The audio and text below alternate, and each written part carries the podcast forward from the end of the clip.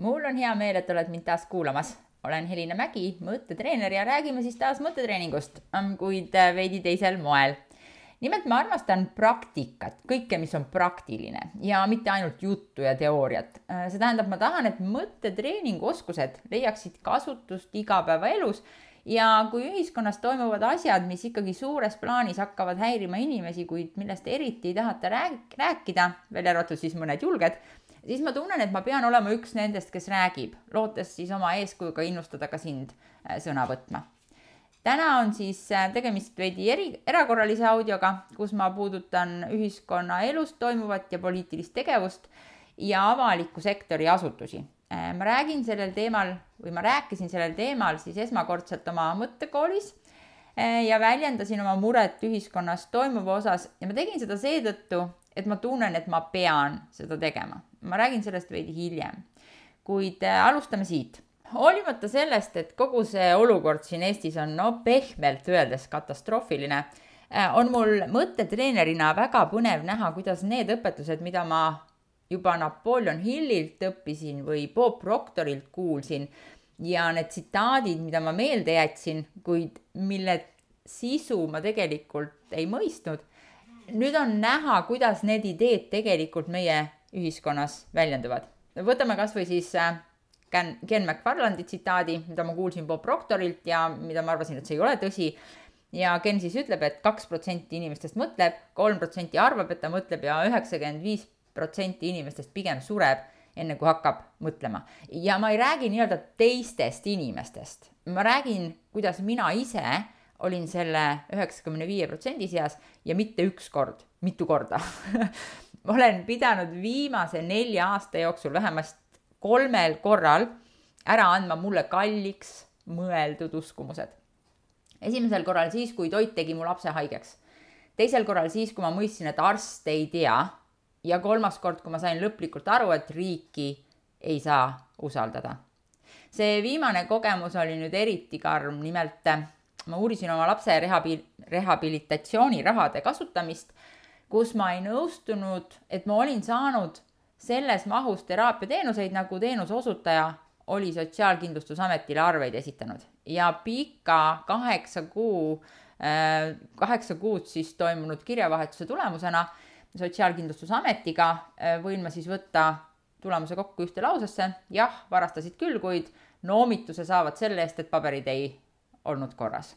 Ühesõnaga, ma pidin tõdema, see oli totaalne pauk, on ju et meie tänased poliitikud on langenud nii madalale, et varastamine on lubatud isegi puudega lastelt. ja vot selle teadmise omaks võtmine oli mulle väga tugev emotsionaalne laks. ja vot seesama suhtlus näitas mulle väga selgelt, et Eesti riigis ei ole asjad korras ja see, mida me arvame, et riigis toimub, ei vasta tegelikult tegelikkusele. meie arvamus riigist ei vasta sellele, mis riigis tegelikult toimub. Niisiis, see on see poliitiline väljaastumine, mida, mida sa siin kuuled, mis nõuab mult ikkagi oma südame saapas äärest välja sikutamist, aga see sai teoks just nimelt nendel põhjustel, kus ma saan aru, et ma ei saa enam vait olla ja pealt vaadata, kuid ma täpselt ei saa ka aru, mida ma täpselt tegema pean või mida ma teha saan seega ma siis otsustasin alustada sealt, kus ma saan. Ja ma olen sidunud nüüd mõttetreeningu õpetused, mida ma siis tavakorras õpetan mõttekoolis, õpetades inimestele eesmärke sead-, seada, äh, siis meie ühiskondliku elus nähtavaga või ühesõnaga selle olukorraga, mis meil siin ühiskondlikus elus on. et mõttekoolis õpetan ma põhiliselt kolme oskust, ma õpetan ise mõtlemist, tunnete kasutamist ja keha juhtimist, see tähendab tegutsemist. ja ma näitan, kuidas need kolm oskust on ainukesed ressursid, mida sa vajad, et luua siis seda tulemust, mida sa tahad, see on siis see mõttekooli teema ja nüüd ma seon need oskused, need õpetused ähm, sel moel, et sa saad neid kasutada, vaadates siis tänast ühiskonda ja mõistes, mis ühiskonnas toimub nüüd läbi oma isikliku kogemuse ma nägin, kuidas me sõna otseses mõttes oleme oma mõtete vangid. see lause on siis pärit Bob Proctorilt. Äh, mis tähendab, et me tugevalt tahame uskuda asju, mida me usume ja me ei taha võtta omaks uusi mõtteid, mida me hetkel ei usu ja mis lähevad vastuollu meie endi tõekspidamiste ja väärtushinnangutega. Ja minu kogemus näitab, et need väärtushinnangud, mis on meie endi inimestes, nii-öelda tavainimestes nagu sina ja mina, ja need väärtushinnangud, mis on meie poliitikutel ja juhtivatel töötajatel riigiasutustes, on väga-väga palju erinevad. ja seetõttu me pigem ei vaata, mis sealpool toimub, sest see sunnib meid nägema asju, mille vaatamiseks me pole valmis. Ja miks me ei ole valmis? ei ole valmis sellepärast, et vaadata midagi, mis ei asu meie arusaamise piires, on valulik.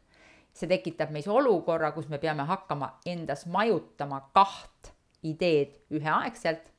ja nagu Bob Proctor ütles, eks ju, ja sellist olukorda nimetavad psühholoogid kognitiivseks dissonantsiks. nüüd ma olen ise seda korduvalt kogenud viimastel aastatel ja ma tean läbi oma füüsilise keha kogemuse, kui valulik see protsess tegelikult on. ja seda isegi siis, kui ma olen õppinud äh, oma mõtete juhtimist ja ma mõistan oma tundeid ja ma olen tegelenud sellega juba pea kakskümmend aastat ja ma teadsin ka seda ideed, kogniti-, kognitiivne dissonants. seega ma tahan sulle öelda, et ma absoluutselt mõistan sind, kui sa ei taha lugeda ega kuulda midagi muud kui seda, mida peavoolumeedia, see tähendab meie tavaajalehed, ja ERR koos Aktuaalse Kaameraga meile räägib, või kui sa tunned vastumeelt teha ise uurimistööd ja küsida, kas see, mida räägitakse, on faktiline, kus on faktid või mis on tõde. ma sain, absoluutselt saan sellest aru. esiteks, meil pole ka aega ja teiseks, meil pole sisemist soovi näha midagi, mida me ise ei usu, sest et emotsioonid tulevad kohe mängu ja uks sulgub niisiis, minu eesmärk selle audioblogiga siin on pakkuda sulle teadmisi ja toetust, et kui sa otsustad hakata vaatama, milline olukord Eestis tegelikult on, kes on need inimesed, kes meid valitsevad ja mida nad tegelikult meile oma sõnavõttudes ütlevad ja mis on nende inimeste eesmärk tegelikult. sest üks asi on väljendada oma eesmärki sõnades, hoopis teine on näidata seda tegudes. ja kui sa astud oma mugavustsoonist välja või nagu enesearendajad ütlevad, et oma mullist välja, eks ole, siis äh, sinu tunded lähevad uppi, sa tunned ebamugavust, see on garanteeritud, sa koged viha, võib-olla isegi raevu, häbi, suutmatust ja sa vajad tuge ja vot seda tuge tahan ma sulle pakkuda. ja ma tahan seda pakkuda sel moel, et sa mõistaksid, miks see kohutav konflikt sinu kehas aset leiab miks sinus tekib viha, miks sinus tekib jõuetus ja kuidas äh, nende emotsioonidega toime tulla ja kuidas ehitada ennast uuesti üles uute arusaamadega. Nii et samasugust tuge tahan ma pakkuda ka kõigile ametnikele, kes on oma sisemas tundnud ära, et midagi on väga valesti, kuid kes ei oska seda enda jaoks veel lahti mõtestada. ma olen rääkinud viimasel ajal mitme inimesega, kes töötavad riigiasutustes ja sealne keskkond ei ole südametunnistusega inimesele sugugi meeldiv keskkond. niisiis, mul on kaks eesmärki selle audioblogiga. esiteks toetada sind, kui sa uurid tõde ja teiseks innustada sind rääkima seda, mida sa näed. olukord on hetkel selline, kus ma ei saa ja tegelikult teised ka ei saa, sina ka ei saa enam vaiki olla kuigi ma ei ole inimene, keda poliitika väga huvitaks, vastupidi, ma olen tegelikult üks see põhjus, miks olukord on eh, selline, nagu see on, sest viimased kakskümmend aastat ma ei ole võtnud enda kui kodaniku käitumise osas poliitilises valdkonnas vastutust. ma olen näinud, kuidas Ansip viibutab sõrme inimeste poole, ma olen näinud, kuidas Ilves süüdistab rahvast, ma olen näinud, milline on võimul olevate poliitikute suhtumine tavakodanikku kuid ma pole vaevunud uurima, mis seal võimuladvikus tegelikult toimub, milliseid otsuseid seal tegelikult tehakse ja kelle heaks seal tegelikult töötatakse. seetõttu olen mina sada protsenti vastutav selle korruptsiooni eest, mis on Eesti riiklikes institutsioonides, selle võimu kuritarvitamise eest, mida valitsus praegu saab teha, sest mina olen olnud üks nendest kodanikest, kes ei ole teinud häält selleks on olnud erinevad põhjused, nagu meil kõigil jah, ma ei saa poliitikast aru, ma ei mõista, mida nad räägivad, mul ei ole niikuinii võimu midagi muuta, mul pole pere kõrvalt aega sellega tegeleda, kedagi teist ju pole niikuinii valida ja nii edasi ja nii edasi ja ma arvan, et need mõtted ei ole mõelnud ainult mina, need on paljude inimeste mõtted. kuid niimoodi just ma olengi pealispinnaliselt vaadanud Aktuaalseid Kaamera uudiseid, lugenud Delfi pealkirju ja arvanud, et ma olen ilgelt tark, kui vehin rusikatega teleka ees ja poliitikuid sõiman, jah. aga tegelikult ma ei ole viinud ennast kurssi sellega, mis maailmas ja Eestis tegelikult toimub. näha, et meedia valetab, et inimesed sõna otseses mõttes pahatahtlikkusest, mitte ignorantsusest hävitavad teiste inimeste heaolu selle tunnistamine on olnud minu jaoks väga raske, see on olnud ääretult keeruline omaks võtta. ja seda on küll imelik öelda, kuid minu kolmas tütar oma erivajaduse ja puudega on olnud mulle sõna otseses mõttes õnnituse, õnnistuseks selles valdkonnas, sest see sundis mind vaatama Eesti riigi olukorda lähemalt.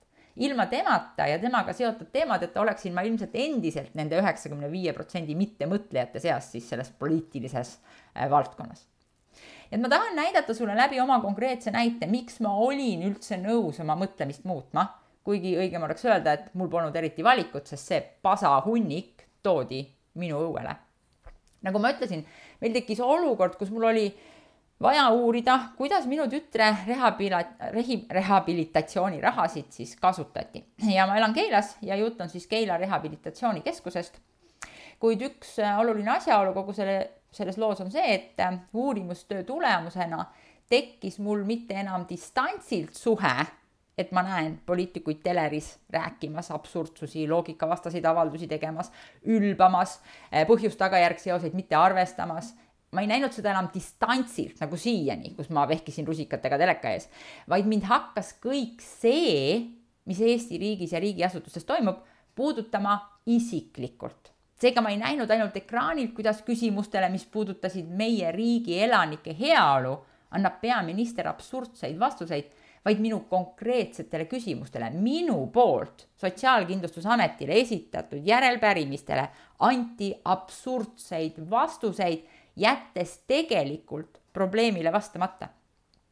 metafooriliselt väljendutuna tähendas see siis seda, et mina küsisin Sotsiaalkindlustusametilt, et mis kell on.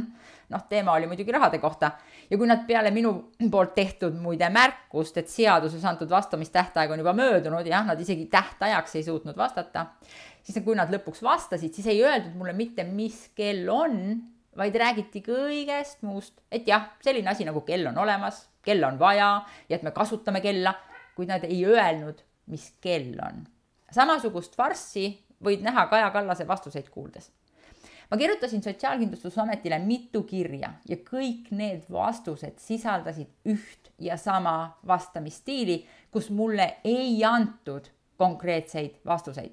kõige selgema vastuse andis mulle õiguskantsler, kes ütles, et Sotsiaalkindlustusamet ei saa mulle öelda kella, sest nad ei tea, mis kell on. mis tähendas seda, et Sotsiaalkindlustusamet, kellelt ma olin kaheksa kuud nõudnud et nad uuriksid välja, mille eest Keila Rehabilitatsioonikeskus neile arve esitas, ei omanud infot selle kohta, mille eest nad ettevõttele rahva raha maksid. ja see on see riik, kus me elame.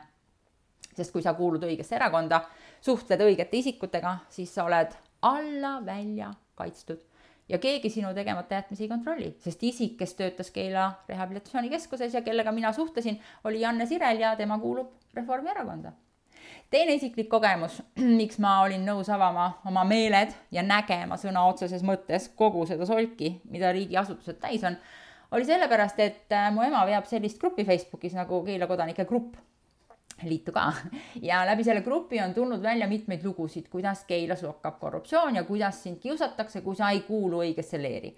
ja läbi nende lugude, mida teised inimesed rääkisid, hakkasin ma aru saama, et mina ei ole rumal, mitte mina ei ole rumal, ma saan asjadest aru küll, kuid mul puudub tegelik informatsioon ja seetõttu olen ma segaduses.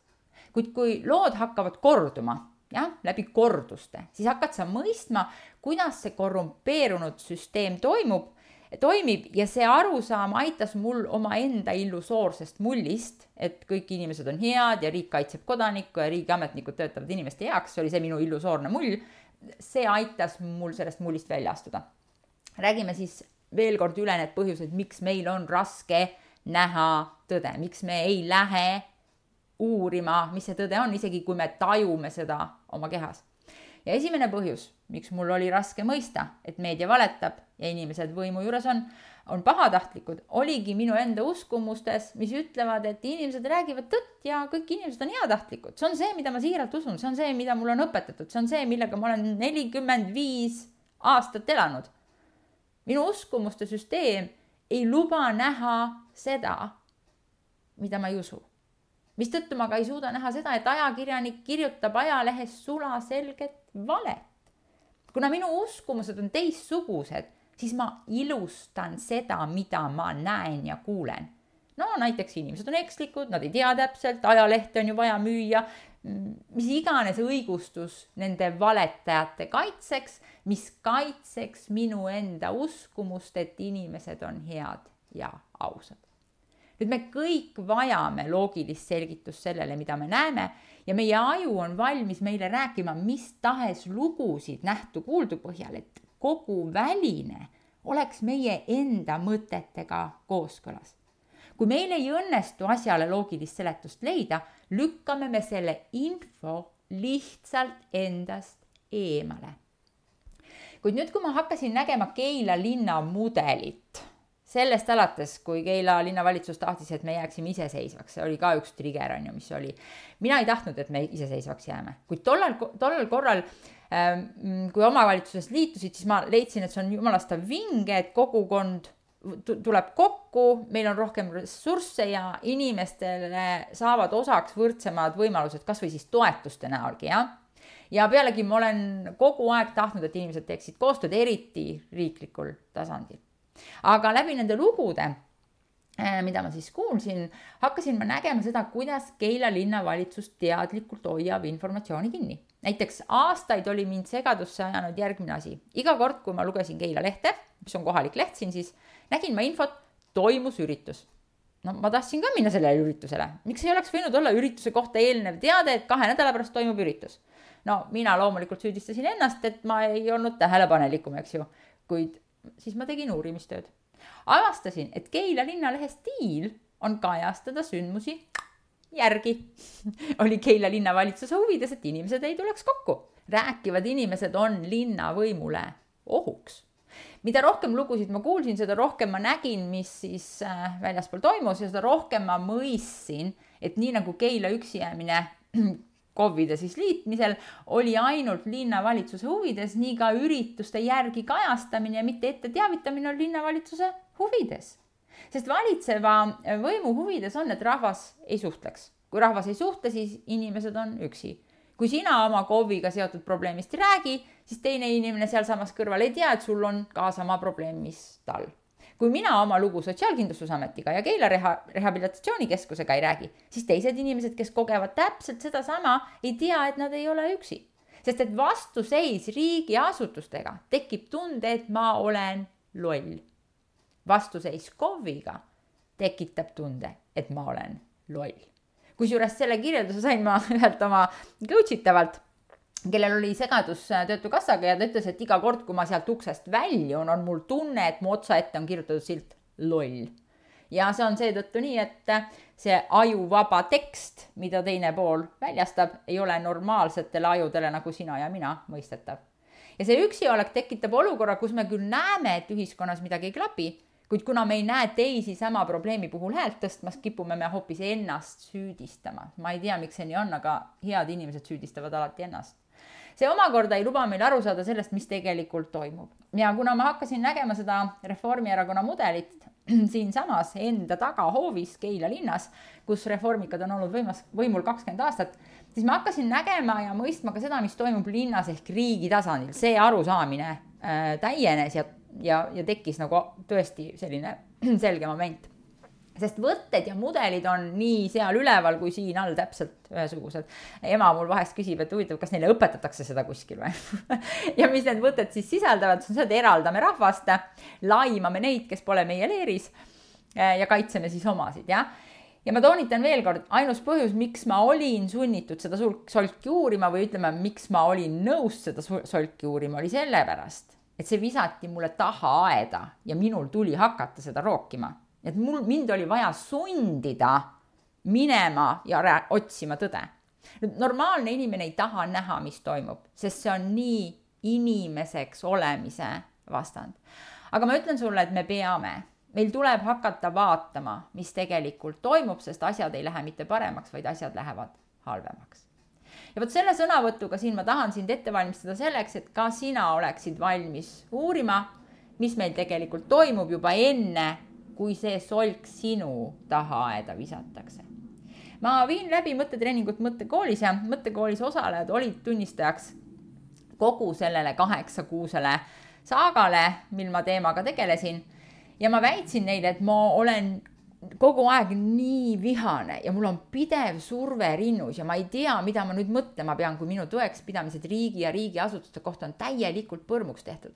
Ja olles selles olukorras, kus sa mõistad, et kõik, mida sa oled uskunud, on vale on üks kohutavamaid emotsionaalseid seisundeid. me pigem usume edasi vale, kui tunnistame endale seda, sest see kognitiivne dissonants, mis tähendab, et sul on kaks teineteist välistavat ideed, jah, valetavad, räägivad tõtt. Nad on kaks, mõlemad ideed on sinu teadvuses korraga aktiivsed. vot see tekitab kohutavalt ebamugavat tunnet ja seetõttu me ei kipu uurima infot, mis on meie uskumustega vastuolus ja see, mida ma olen teada saanud meie riigi kohta viimase aasta jooksul, on väga tugevalt vastuolus minu väärtustega ja minu uskumustega. järgmine etapp, mis minul aitas veel sealt välja tulla ja mõista, et mina mitte ei ole loll, on see, kui ma hakkasin lugema siis äh, peavoolumeediast erinevaid äh, väljaandeid, näiteks Objektiivi ja hiljem siis ka EKRE lehte Uued uudised. nüüd EKRE lehega oli oma, oma, omakorda suur saaga sest mul oli kohutav vastuseis. miks? sest meedia on loonud EKRE-st nii hullu kuvandi ja ma pean häbiga tunnistama, et ma lasin peavoolumeedial oma ajud ära pesta. ma võtsin seda kui iseenesestmõistetavat, ma ei küsitlenud, miks nad teda materdavad, kas seal on ka alust, ma lihtsalt uskusin, jah aga Objektiivi ja Varro juurde suunas mind üks mu hea sõber, kellega me koos kohvikus käime ja iga kord, kui ma temaga nendel teemadel rääkinud olin, siis ma tundsin koju tulles end tohutult halvasti. miks? sest see, mida ma kuulsin, ei vastanud sellele ettekujutusele, mida ma maailmast, Eestist ja inimeste kohta uskusin. ja ükskord ma küsisin temalt, et kuidas sa saad neid uudiseid lugeda, et kas sul ei hakka halb, et kas sind ei aja vihale ja ta vastas, vastas midagi taolist, et ma olen toimuvat juba nii kaua jälginud, et see faas on möödas. nüüd tal on jumala õige, õigus, eks ole, et vahe, vähehaaval hakkasin ma jälgima selle, seda kõrvalliini, lugema muid sõnumeid kui see, mis on esitatud peavoolumeedias või ERR-is ja, ja ma mõistsin siis, äh, et see, et, et hakkasin vaheajal nagu aru saama, et mis on see tõde selles mõttes nagu faktidel põhinev või kus on need faktid ja kus on see nagu mull ja mis on see, mida see tähendab, et nad räägivad, et me räägi-, nad, nad teevad propagandat, mida meile jagatakse või ja vähehaaval, natukese, viis minutit korraga, korra nädalas, eks ole, hakkasin seda uurima ja täna ma võin siis ka öelda, et jah, see ülim vihafaas on mul möödas ja ma saan jääda rahulikuks. ma suudan juba lugeda Objektiivi iga nädal, ma alguses ma ei suutnud, alguses oli mul peale kümmet minutit, mul olid rusikad püsti, ma vahutasin vihast. aga nüüd ma suudan juba jääda suht neutraalseks, mõistes, et jah, see on tõde, kuid äh, nüüd olen ma hoopis teise küsimuse ees. nüüd ma olen küsimuse ees, mida mina saan teha ja nähes, kui raske oli minul välja tulla sellest ajupesust, peavoolumeedia lühikeste pealkirjade poolt kujundatud arusaamast sellesse mõistesse, mis tegelikult, mõistmisesse tähendab, sellesse mõistmisesse, mis tegelikult riigis toimub, siis sellest äh, ajendatuna ma tunnengi kohustust jagada sinuga vähemasti oma kogemust, kui ma muud tarka sulle sellel teemal öelda ei oska, sest et ütlen ausalt, ega mul ei ole ka vastuseid, jah niisiis, kui sa ei ole veel kursis, mis tegelikult toimub ja sa oled peavoolumeedia lugeja, siis alusta sellest või, või, või sa pole üldse meedialugeja, siis alusta sellest, et sa vahetevahel piilud objektiiv.ee lehele ja kuulad näiteks Varro Vooglaiu saateid. Varro ei ole ründav ega süüdistav, ta lähtub ainult tugevalt faktidest ja mis veelgi olulisem, ta lähtub printsiipidest ja seaduses olevatest printsiipidest. ja see on mõttetreenerina mulle eriti põnev äh, kuulata. nii et kui sa oled end uute ideedega veidi harjutanud, siis lihtsalt uudishimu pärast liigu edasi ja piilu uued uudised.ee lehele, mis on EKRE erakonna leht.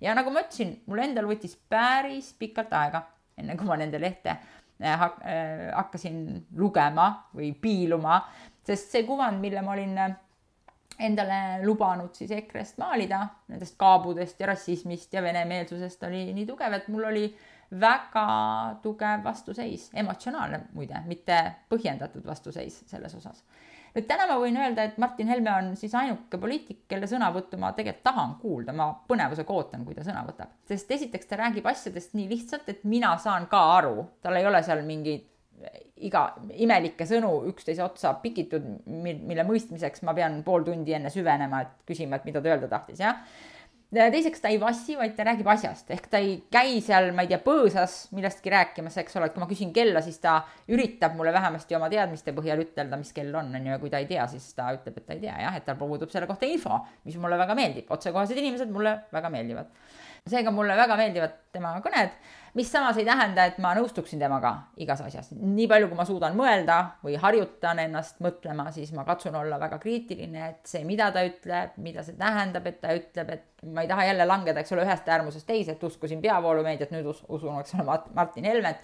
ma tahan lihtsalt nende sõnavõtte kuulates, erinevate inimeste sõnavõtte kuulates hakata mõistma, millised need seosed on, sest et üks asi on olla mõttetreener isiklikul tasandil, et ma tean, mis mu eesmärk on, ma tean kõiki fakte. Kui ma õpin ennast tundma, ma tean kõiki fakte enda kohta, seal ei ole midagi varjatud. teine asi on neid samu põhimõtteid või õpetusi ja praktikaid teha suurel areenil, kus ei ole kõik faktid teada. Ei, mitte kunagi ei saagi olla teada. Ja vot seal on nagu teistsugune mõtteviis ja nüüd ma praktiseerin seda. nii et äh, pealegi, kui nüüd sul on väga suur vastuseis EKRE lehe uurimisele, siis sa võid teha mõningaid tähelepanekuid, näiteks kui sa võrdled Reformierakonna või Isamaa samateemalisi lehte EKRE lehega, siis uued uudised, lehed, muide, ma saan lugeda meie riigis toimuvaid olulisi uudiseid, samas kui Reformierakond ja Isamaa kajastavad ainult nende endasiseseid või siis välispoliitilisi ideid või vähemasti nii palju ma olen nagu näinud, et kui ma, kui mingisugune teema näiteks, oluline teema tõuseb ähm, peavoolumeedias ka korraks esile, siis ma noh, surfan läbi kõik need lehed ja kellelt ma infot saan, on ainukesena siis Uued Uudised, jah. aga Eesti inimesena mind ju huvitab eelkõige, mis toimub minu enda riigis. ma arvan, et sind ka, jah. ja selle kõne lõppu tahan ma anda sulle nüüd veel ühe mõttetreeningust äh, tuleneva harjutuse, see on hästi praktiline, see aitab sind ja see ei ole üldse poliitiline, nii et äh, ma annan sulle ülesandeks esiteks, sinu ülesandeks ei ole uskuda seda, mida räägivad uudisi, uued uudised või sinu ülesandeks ei ole uskuda seda, mida räägib Objektiiv või sinu ülesandeks ei ole isegi uskuda seda, mida mina räägin oma kogemusest, sest et see on minu kogemus, see on minu seisukohavõtt, need on minu järeldused minu enda kogemustest, jah. sinu ülesandeks on lugeda ja panna tähele. nüüd panna tähele mida? panna tähele seda, kus on lugu ja kus on fakt ja fakt on see, millega kõik nõustuvad, eks, et fakt on see, et, et sa kuuled minu häält siin, eks, aga see, et ma pean head kõnet, see ei ole fakt, see on kellegi arvamus või vastupidi, et ma ajan siin jama, on ju, see on ka kellegi arvamus, see ei ole ka fakt. aga fakt on see, et ma pean siin kõnet, räägin sinuga, sa kuulad mind, see on fakt, kõik saavad seda üheselt mõistetavalt eh, kinnitada. nüüd eh, siis eh, kui sa hakkad nüüd artikleid lugema, eks ole, siis sinu ülesandeks on panna tähele, mis selles artiklis on faktiline mis selles artiklis on lihtsalt lugu ehk kellegi arvamus, jah, väljaütlemine, millel ei ole tõendust taga. mõtle, igaüks võib väita, et sa oled venemeelne, nõus, igaüks võib seda öelda, sõna venemeelne aga tekitab inimestes emotsioone. kuid mida see tegelikult tähendab? miks kellegi kohta öeldi, et ta on venemeelne? ja kas need põhjused, miks kedagi venemeelseks tembeldati, on ka tegelikult aset leidnud, on nad faktilised või on nad lihtsalt kellegi, no maitse, jah, tahtsin öelda, jah. Ja kolmas asi, mida sul tuleb märgata, on need omadussõnad, mis ei ole faktid, kuid mis kütavad kirgi, mõjutavad meie emotsioone ja panevad meid arvama, et me saime kõigest aru, jah. Tegelikult meid lihtsalt mõjutati teatud suunas mõtlema. niisiis, loe ja pane tähele, kus on faktid, kus on lugu ja millised omadussõnad sinus emotsioone tekitavad. aitäh, et kuulasid, ma olen siin, kui vajad abi iseenda tunnetes orienteerumiseks. mine välja ja väljenda ennast